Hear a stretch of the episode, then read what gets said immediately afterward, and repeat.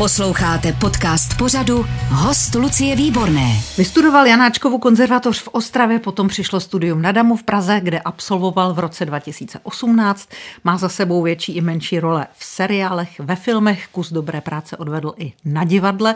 Na štědrý večer jste ho viděli v pohádce Klíč svatého Petra, no a aktuálně v české televizi hlavní hrdina smyslu pro tumor. Filip Březina, tak vás tady vítám, dobrý den. Dobrý den. Nejste z těch rozhovorů kolem smyslu pro tumor už trochu unavený? No tak trošku jo, jako abych, abych řekl pravdu, abych byl upřímný. A tak ono, ona je to velká škola i pro mě vlastně v tomhle tom, protože já tohle to beru jako součást vlastně eh, toho herectví nebo herecké práce, že to k tomu patří a myslím si, že to je i plocha jako se v tom zlepšovat. Že byste se lepšil v těch rozhovorech. No jasně, že jo. Tak já jsem, já jsem byl hodně stydlivý z začátku. Fakt? A člověk si jako není jistý, není jako sebevědomý v tom nějak.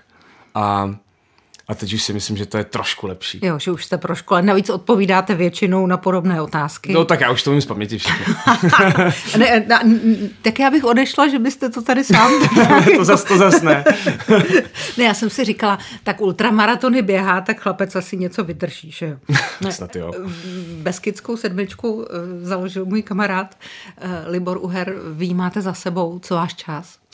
No já ji mám za sebou dvakrát. Já jsem jí, nebo vlastně Běžel jsem jí třikrát dohromady, ale zvládl jsem to jenom dvakrát. Poprvé, když jsem to běžel, tak mi bylo 15. To jsme běželi s tátou ve dvojci ještě. A to jsme skončili na 50. kilometru, protože táta promres, já jsem ještě mohl. bylo to v Ostravici, to bylo, když se šlo ještě z Frenštátu do Třince, mm-hmm. tak jsme skončili v Ostravici. To jsme nedali a pak další rok, to mi bylo 16, to jsme to měli za 18.45. A teďka před dvěmi lety jsem to vylepšil na 17.21. Takže se pomalu blížíte. No, blížím se k tomu, že chci, aby to začínalo šestnáctkou. Rozumím, to znamená, letos běžíte. No chtěl bych, nebo uvidím ještě. No, je to, je, je to v plánu, ale ne, nejsem si tím jistý ještě. Jasně. Když jste z Ostravy, tak se asi nemusím ani ptát, jestli vám chybí Beskydy. Ale jste lisař? Jsem lisář. Teďka o víkendu jsem... Teďka o víkendu, Kolikrát? Jenom dvakrát, jenom v pátek a v neděli jsem tam byl. Já bych to potřebovala vysvětlit, protože eh, mám ráda hory, ale nerozumím vážně vystupovat na jednu horu neustále, opakovaně pořád dokola. No ono je to vždycky jiné, ono záleží jako na rozpoložení vašem, samozřejmě i ty trasy se můžou lišit, teda já většinou chodím od Bezruče, a my to máme dvě takové, jedna je Kitzbühel, což je jako hodně, hodně do kopce, anebo je běžecká a já se snažím už to jakoby běhat i do kopce, což se mi už teďka právě v ten pátek podařilo to vyběhnout úplně celé. I nějakých... Kitzbühel, jo? Ne, to je, ne, ne, tam je právě ještě, tam je, to, tomu se říká hradová, což se jako obíhá a není to úplně tak prudké, pak se pojí na modrou a pak ta žlutá sizdovka, tak už se mi podařilo to celé jako vyběhnout a je to 4,5 kilometru, převýšení asi 700 a měl jsem za 43 minut. Takže se lepšíte. Kolikrát, se lepším. kolikrát jste byl na Lise? Jako za život? No. Ha, to nevím. tak to... asi zhruba.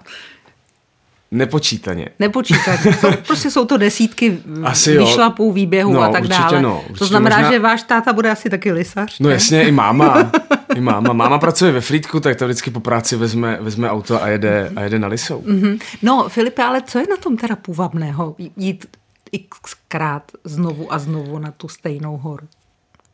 No, ono i to počasí se liší. Jak, jak ta trasa se může lišit, tak i to počasí se liší a člověk tam není vždycky ve stejnou hodinu, takže si to, buď to, to může být tak, že jako jdu na východ třeba, nebo jdu na západ slunce, tam chodí právě často máma takhle. Mm-hmm. A, a je to vlastně o tom se zlepšovat, já to beru jako trénink vlastně. No a kam chodíte tady v Praze? Tam jste to měl za domem, tady nic, Petřín? No, teďka, teďka na Petřín, no. Petřín Milešovka. dvakrát si dám Milešovku, taky jezdím, to si taky dávám dvakrát vždycky za sebou. A, a jinak chodím běhat tady i rovinky, jako no. Vybaví ten sport člověka pro um, hereckou profesi, která je náročná a kde člověk taky musí hodně vydržet? Já si myslím, že, já si myslím, že jo, že to je jako docela dost důležité, hlavně, hlavně jako v divadle, protože když vzpomenu třeba diktátora, tak je to, je to něco tak jako fyzicky náročného, nebo bylo to pro mě tak fyzicky náročné, že asi bez toho tréninku by to bylo daleko horší a těžší pro mě. Hmm. Já a hlavně jenom... já to beru jako takovou nějakou, jako, nějakou psychickou hygienu, jo. duševní hygienu. No. Já jenom připomenu, diktátor je Chaplinův remake, hrál jste ho na divadle, Derniera nebyla. Derniera nebyla, no. Ale já nevím, jestli jste ji nedohrál, nebo jestli jste u toho zemřel. Já jsem u toho zemřel, ona vůbec nebyla, no.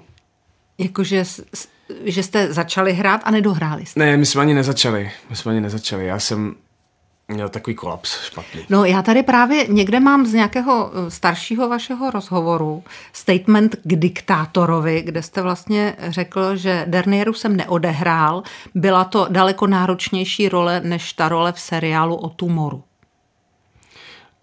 Jo, to jsem řekl To jste řekl, no. Aha, no. Pozor, to už jsem No tak vybavená. jako fyzicky určitě, já to vždycky srovnávám právě s tou beskidskou sedmičkou, že zahrát diktátora pro mě bylo daleko těžší, než uběhnout beskidskou sedmičku vlastně. A to je proto, že člověk se vtěluje do zla, nebo Ne, ne, ne. protože je to fyzicky tak prostě náročné na tom jevišti?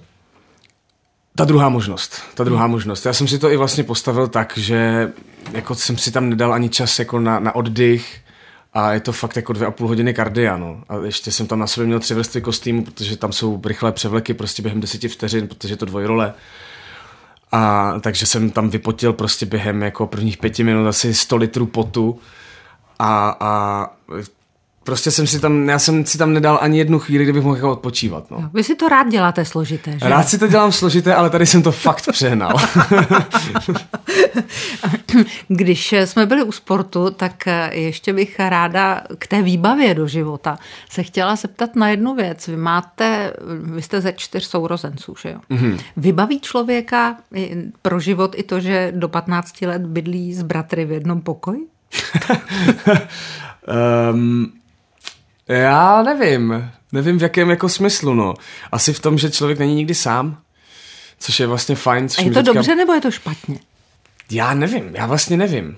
Já nevím, jako já mám rád samozřejmě to, že když přijedu teďka domů a jsme tam všichni a, a furt tam vlastně někdo mluví a něco se děje a pořád vás jako něk, někdo nutí něco jít dělat, pořád nějaký program, to mám rád. A já nevím, asi, asi mě to mohlo vybavit v tom se jako umět uskromnit nějak. Hmm. Vaše babička a vaše maminka jsou vaše největší faninky. O tom není sporu. Ve, ve všech rozhovorech to je. Přeskočím to, jak komentují sourozenci vaše hraní. Uh, no, uh, jako ve skrze pozitivně taky vlastně. Jako můj starší brácha je trošku takový kritičtější, ale ale teďka po druhém díle Tumoru, když, jsme se, když jsem byl v Ostravě, tak jsme se na to dívali společně v neděli, tak tam hnedka ládovali na čas do hvězd. Já bych, já si vzpomínám, jak jsem se kdysi, a to je opravdu dávno, dívala se svými eh, rodiči na televizi na nějaký seriál, kde byl lehký náznak erotiky a musím, musím říct, že před 40 let, nebo tři- 35 lety to bylo skutečně jiné než dnes. Jak to zvládáte vy takhle s rodinou na gaučíku? Ještě když jste tam vy s tou sestřičkou zdravotní. No, ono to není jenom na tom gaučíku, protože um, první dva díly už se promítali um, na, na seriál Killerovi v Brně v září a já jsem tam měl plus jedničku, takže jsem vzal plus dva, jako vzal jsem prostě mám, mámu s tátou, mm-hmm. takže tam byli se mnou v tom Brně se, a, a koukali, jsme na se, koukali jsme na to vlastně v tom kině, že já jsem seděl mezi nimi. Jo, takže vy se nemůžete ani dívat stranou, protože na každé Ne. straně někdo sedí. Ale já myslím, že to berou jako už teďka v pohodě vlastně, protože je to jako součást té práce. A já jsem jim Ne, i to, že oni to jim- berou v pohodě, to chápu, já bych zemřela u toho. No, tak je to trošku divné, no, ale dá se to přežít. Já jsem na trapnot už docela zvyklý. Bavíme se teď o aktuálním seriálu České televize Smysl pro tumor, kde hrajete eh, Filipa, studenta medicíny, sportovce, suveréna, který se v závěru prvního dílu dozví, že má rakovinu. Vám se o tom prý před natáčením zdálo. No, ono to nebylo přímo jako před natáčením, ale bylo to před natáčením uh, té scény, kdy vlastně ten doktor sděluje Filipovi tu diagnózu. Uh, protože já jsem hledal ten pocit, protože mm, v tenhle moment nemůžu čerpat z, osobní zkušenosti, protože jsem to nezažil. A já jsem vlastně nevěděl, jak to zahrát a co ten člověk přitom cítí. A snažil jsem se pořád jako koukat do sebe a nějak to hledat a vůbec mi to nešlo. A síla su- sugestce se prostě projevila a, a asi fakt dva dny předtím, než jsme to měli točit, tak se mi zdál v noci sen, že stojím v ordinaci a lékař mi sdělil, že umřu. A já jsem přesně s tím, s tím pocitem se, se takhle v slzách probudil prostě na polštáři a měl jsem ho. No. Teď už ho zase nevím. To pak člověk zase jako zahodí, protože to je nepříjemné, mm. tak to člověk vytlačí. Ale, ale jako by pomohlo mi to v nějaké jako sebedůvěře vlastně. Já spíš přemýšlím o tom, jak se hledá ten pocit, protože neznám vaší profesi, takže nevím, jak bych to dělala. Ono je to... To sedíte někde mm, na Milešovce a přemýšlíte, přemýšlíte no, o tom, jaké by to bylo, kdyby vám řekli, že máte terminální diagnózu? Možná. No, to si člověk tak jako vymýšlí scénáře vlastně v hlavě a snaží se zase sebe zasadit eh, do té situace a představit si to jako v tom úplně nejhorším, nebo v tom, v tom největším hrotu vlastně emočním, kdy mm-hmm. už mhm. jako to stoupat víc, stoupat dál jako nemůže, ta emoce, že už nemůže být silnější. A, a takhle se to prostě nějak hledá, no. A jaký byl váš největší emoční hrot v soukromém životě? Uh... Pak, když se to týká úplně vztahu, o kterých nechcete mluvit, tak jste sproštěn. Ale... Uh...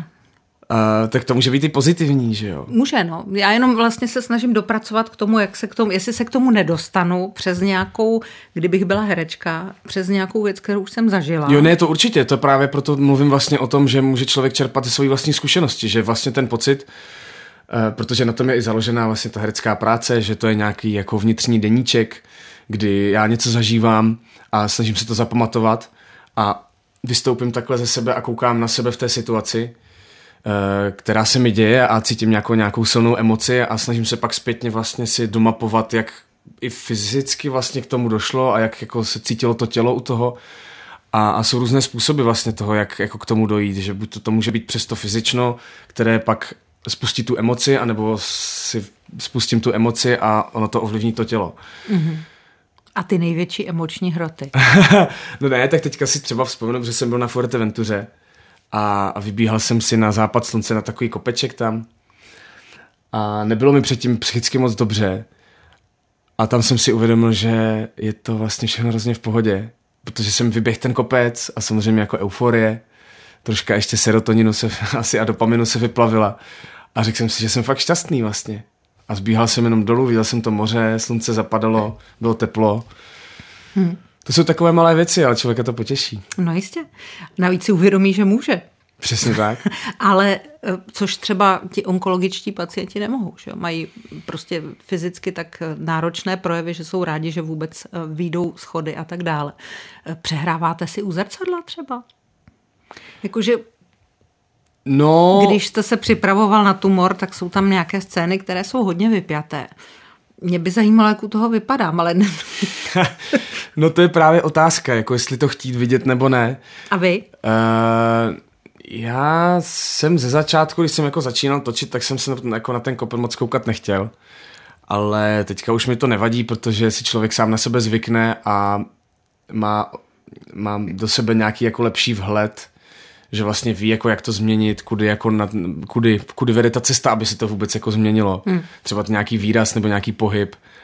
A, ale tak to zrcadlo hlavně, nebo to jsem hlavně používal třeba při tom diktátorovi vlastně, protože tam to je jako groteska a chce to jako používat asi víc mimiky a víc pohybu a je to přece i jako nějaká imitace někoho já myslím, že asi jako do filmu nebo do seriálu nebo do televize asi není moc dobré používat zrcadlo, si myslím. Pokud to není nějaká fakt jako extrémní karikatura třeba, nebo nějaká jo, jako, ne, já o, vaší profesi, já o vaší profesi nevím vůbec nic, takže proto se snažím se to nějak dozvědět, protože vy jste popisoval vlastně novinářům, že jste nechtěl mluvit s mladými lidmi z toho hnutí Fuck Cancer, ke kterým se ještě dostaneme a vlastně jste neviděl ani tu původní belgickou předlohu toho seriálu, protože jste hledal vlastní cestu, tak já jsem jenom chtěl chtěla znát ten popis té eh, vlastní cesty.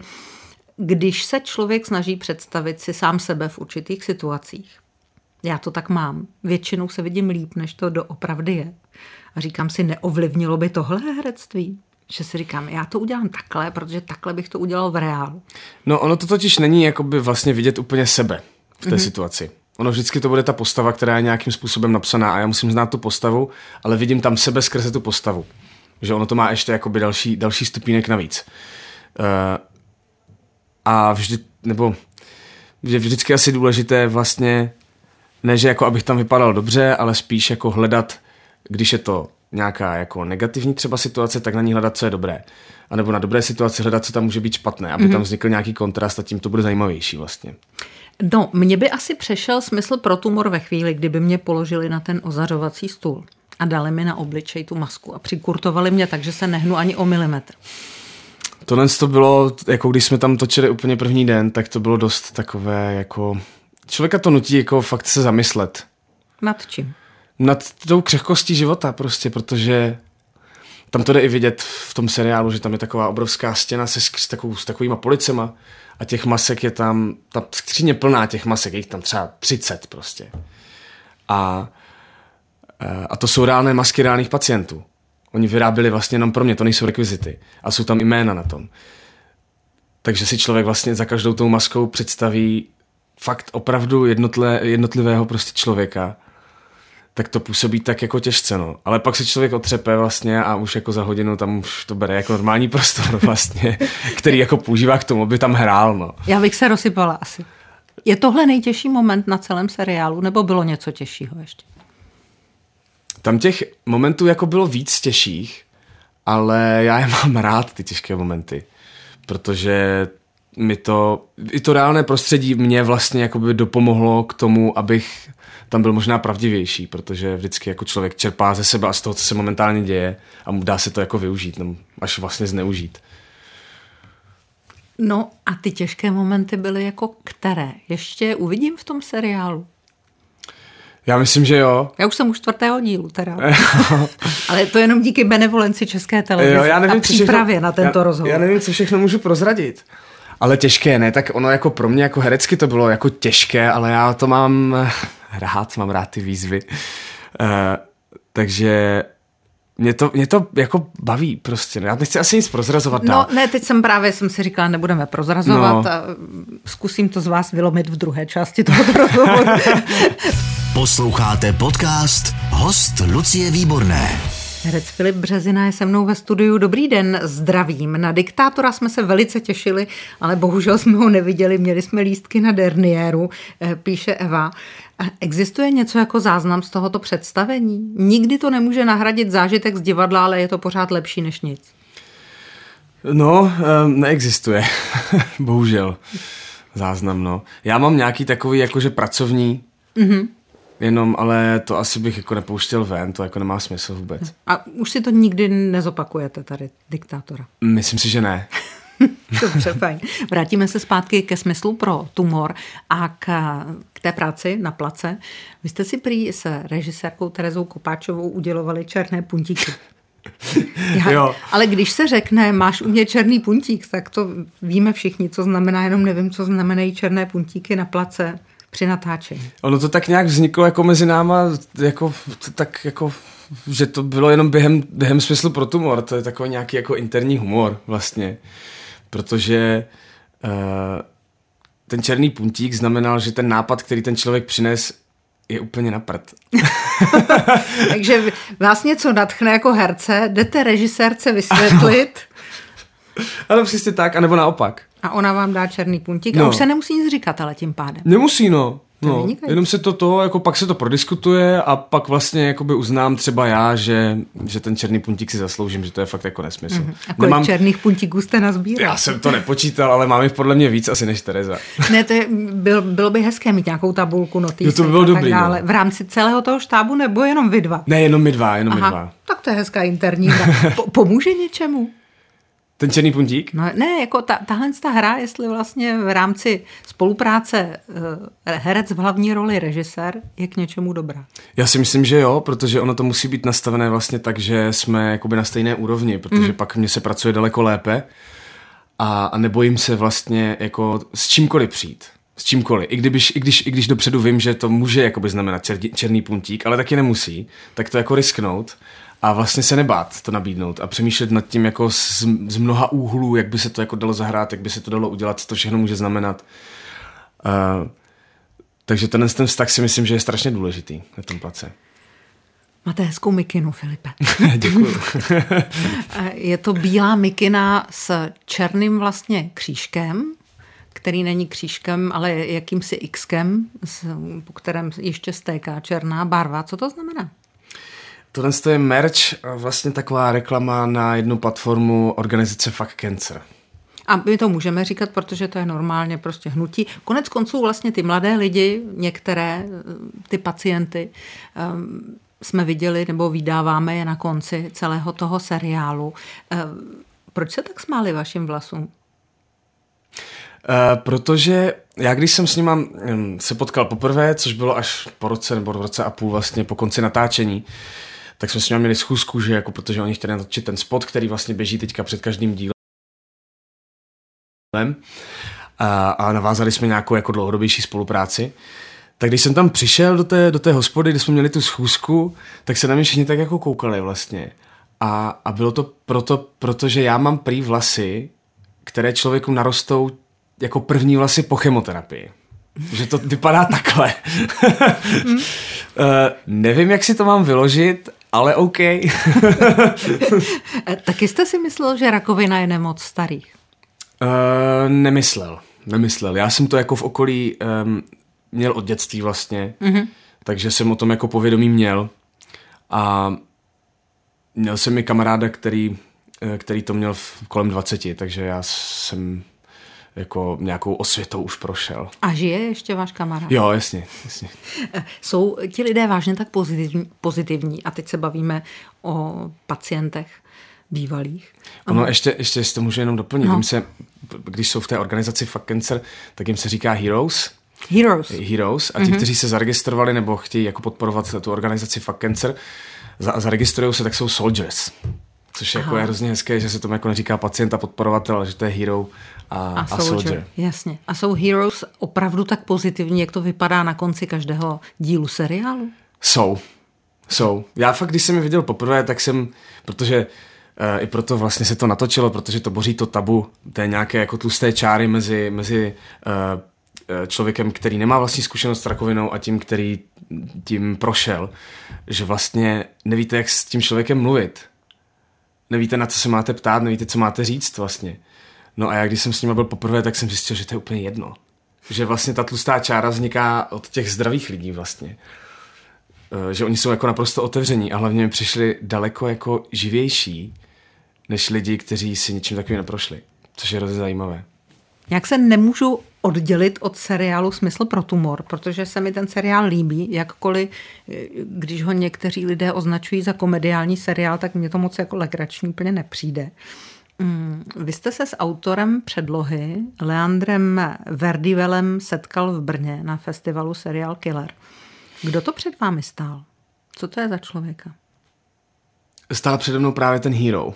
Fakt, hrdina. Mm, mm. Protože z něj jde jako hrozně pozitivní energie, že to je fakt, oni jako ve skrze vlastně všichni asi ti jako pacienti, kteří to přežili, tak mají tuhle tu energii a, a je na něm jako obdivuhodné, jak se o tom vlastně nebojí mluvit, ale naopak o tom chce mluvit, což je jako super. A první věc, co byla, co mi řekl, tak je, to by už dorostly vlasy. A takhle si jsem dal kšeltovku a on je vlastně jako vlastně skoro plešatý a řekl, že jemu po chemoterapii už nikdy vlastně nenarostly. To, a bylo ticho? No, on se Protože, smál, on, se, on se tomu vlastně směje, jako Protože, tam už asi není jako žádná jiná možnost, než jako se tomu smát vlastně. Eh, potom všem, eh, co jste natočil eh, pro tenhle seriál, potom všem, co jste se dozvěděl, změnilo vás to nějak? No, to je právě, to je právě těžké, protože ono, jasně, že změnilo, určitě mě to změnilo, uh, ale tím, že se mi to nedělalo doopravdy, tak na to člověk vlastně zapomene. Nebo spíš ten pocit z toho se nějak jako obrousí a zmenší se a je právě potřeba si to pořád dokola uh, připomínat, že fakt ten život je křehký a vážit si prostě toho, co mám, vážit si toho, že jsem zdravý vlastně, že jediné, co mě trápí, takže je kašlík, což je jako prostě úplně perfektní, že jo. Uh, ale asi, asi jo, mm. asi jo. Nějak jako přehodnotit priority prostě, trošku zpomalit.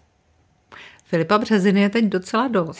V seriálu byla pohádka a od 8. února je v kinech film Franta mimozemšťan. To je teda úplně jiný žánr. Poklidný život malé moravské vesnice rozbouří podivné úkazy.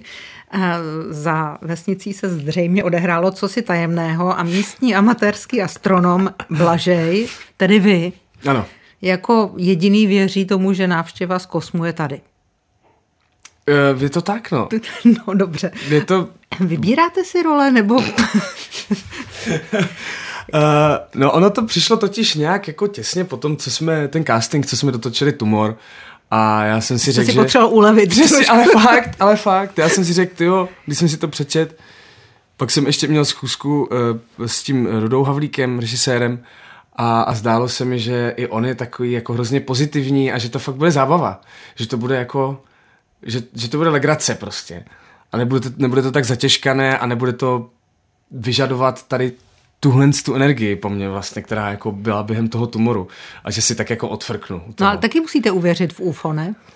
No jako jasně, ale tak v- samozřejmě v rámci toho žánru, že jo, takže Jasně. to není úplně jako, není to zatěžkané. No a byla to zábava, protože někdy, když se točí komedie, tak to zábava je a někdy je to jenom otročina. E, Tohle to zábava byla. Jo. To, tím, jak je to vykloubené vlastně celé a až, že jsou to vlastně jako ty postavy až takové karikatury, tak to byla docela zábava. A ten váš astronom, to je ufolog? No, něco takového, ne jako amatérský, protože prostě miluje vesmír a, a všechno ho to zajímá a je takový jako asociál trošku mm-hmm. v té vesnici. A což je možná jako psychologicky to, že on je vlastně pořád sám, nebo většinu času je sám, tak věří v to, že tady nejsme sami. Což je jako hrozně hezké. No, E, Viděl jste to už? neviděl jsem to. No, to je o totiž otázka, když je premiéra, tak samozřejmě herci tam většinou sedí, že dívají se na sebe a tak, ale když je premiéra seriálu, tak nemůžete sedět 8 hodin v kině. Viděl jste celý smysl pro tumor? No, my jsme nejdřív seděli tři hodiny v kině uh-huh. a pak jsme seděli pět hodin v kině. Takže vy jste ho viděl. Já jsem to viděl celé, no. A Frantu mimozemštěla ještě ne. Ne, Frantu, ještě jsem, Frantu jsem ještě neviděl. Viděl jsem jedině to, co je, co je na sociálních sítích a na YouTube a, a tak jako trailery. Víte, co o vás říká Ruda Havlík?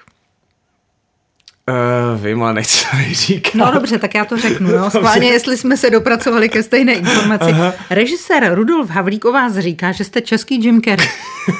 Uh, tak jo, dobře, tak jo. Tak to, je to super to znamená, pochvala že vlastně. vy jste ve Frantovi mimozemšťanovi musel předvést něco opravdu výjimečného. Uh, to já nevím, to není na mě, abych to soudil nějak, to asi ať posoudí někdo, někdo jiný a třeba i Ruda.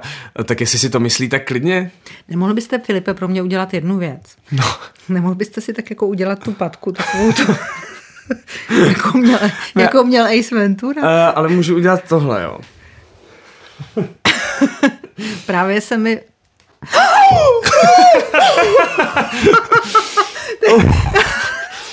To je, Já se omlouvám teď, bohužel teda. tohle je můj highlight. To, eh, teď budeme muset posluchačům vysvětlit, co se stalo. Ale to má zase rádio mm, neuvěřitelný půvab. Filip Březina se ode mě na chvíli otočil zády a já jsem si říkala, co asi bude a když se ke mně otočil čelem, tak eh, tak to byl Jim Carrey. No. A pozor, tady sedí žena, které vešel v přímém přenosu na jeviště falešný Jim Carrey, takže byl daleko pravější než ten, co mě vešel na jeviště. Jo. Čím vás tak bere ten chlap? No, já jsem vlastně kvůli němu se rozhodl, že budu herec. Protože mm-hmm. já jsem miloval prostě Ace Venturu, Masku a všechny jako Jesmena, všechny jeho filmy. Prostě i číslo 23, Věčný svět neposkvrněné mysli. To, už- to je ovšem trošku jiný žánr. No jasně, jasně, a tak je to pořád on a jde vidět, že ta škála jeho je prostě obrovská, že dokáže zahrát jako i dramatickou roli, i vlastně umí být jako nes, nesmírně geniální a ty jeho karikatury, které on jako vytvořil, jsou vlastně uvěřitelné, což je hrozně zajímavé na tom, že on se chová vlastně divadelně před tou kamerou, ale je to uvěřitelné. A takže to jde. No a já jsem prostě pořád jako koukal na to i se Venturu, na jedničku, i na dvojku. A, a tak jak jsem se na to pořád koukal dokola, tak jsem najednou zjistil, že vlastně umím chodit jako ten Ace Ventura, že mi to jako jde ho napodobit, že umím udělat ten obličej. No to umíte. A, a tak vlastně jakože mě prostě hrozně baví, no. Um, co budete teď dělat? Uh, teďka se tady za chvilku zvednu odsud a půjdu domů. Já směřuju k dalším projektům. Jo, no, um, tak čeká mě vlastně teďka jenom, jenom hraní v divadle. Nemám žádné další zkoušení ani natáčení. A jaký je to pocit? No je to trošku stresující, ale, ale zatím v pohodě. Stresující ve smyslu, že by nebylo na činži, nebo, No taky nebo no. že člověk je, je rád vlastně v zápřehu? I rád v zápřehu asi. Jo. Já totiž potřebuju fakt mít program, já se nemůžu jako moc flákat. Můžete běhat. To určitě budu. Filip Březina dneska byl hostem radiožurnálu. Můžete si taky říct o roli. Tady to poslouchá hodně lidí, takže kdybyste si teď mohl říct o roli, tak si o ní klidně řekněte, ono se to stane. Tak já si tady říkám o nějakou pěknou pěknou roli, děkuju. Ve stylu Ace Ventura? No, klidně, klidně, cokoliv, cokoliv. Je to fakt jedno. No, no, něco, něco pěkného prostě, no. Něco jako... pěkného herecky, tak náročného jako smysl pro tu? Klidně, klidně, to asi nejradši. Dobře, moc vám to přeju. Filip Březina, host radiožurnálu, děkuji za rozhovor, ať se vám daří. Děkuji za pozvání. Lucie Výborná od mikrofonu přeje dobrý den. Ať se dneska daří i vám. Všechny rozhovory z hosty Lucie Výborné můžete slyšet na webu radiožurnál.cz v aplikaci Můj rozhlas i v dalších podcastových aplikacích nebo na YouTube kanálu Radiožurnálu.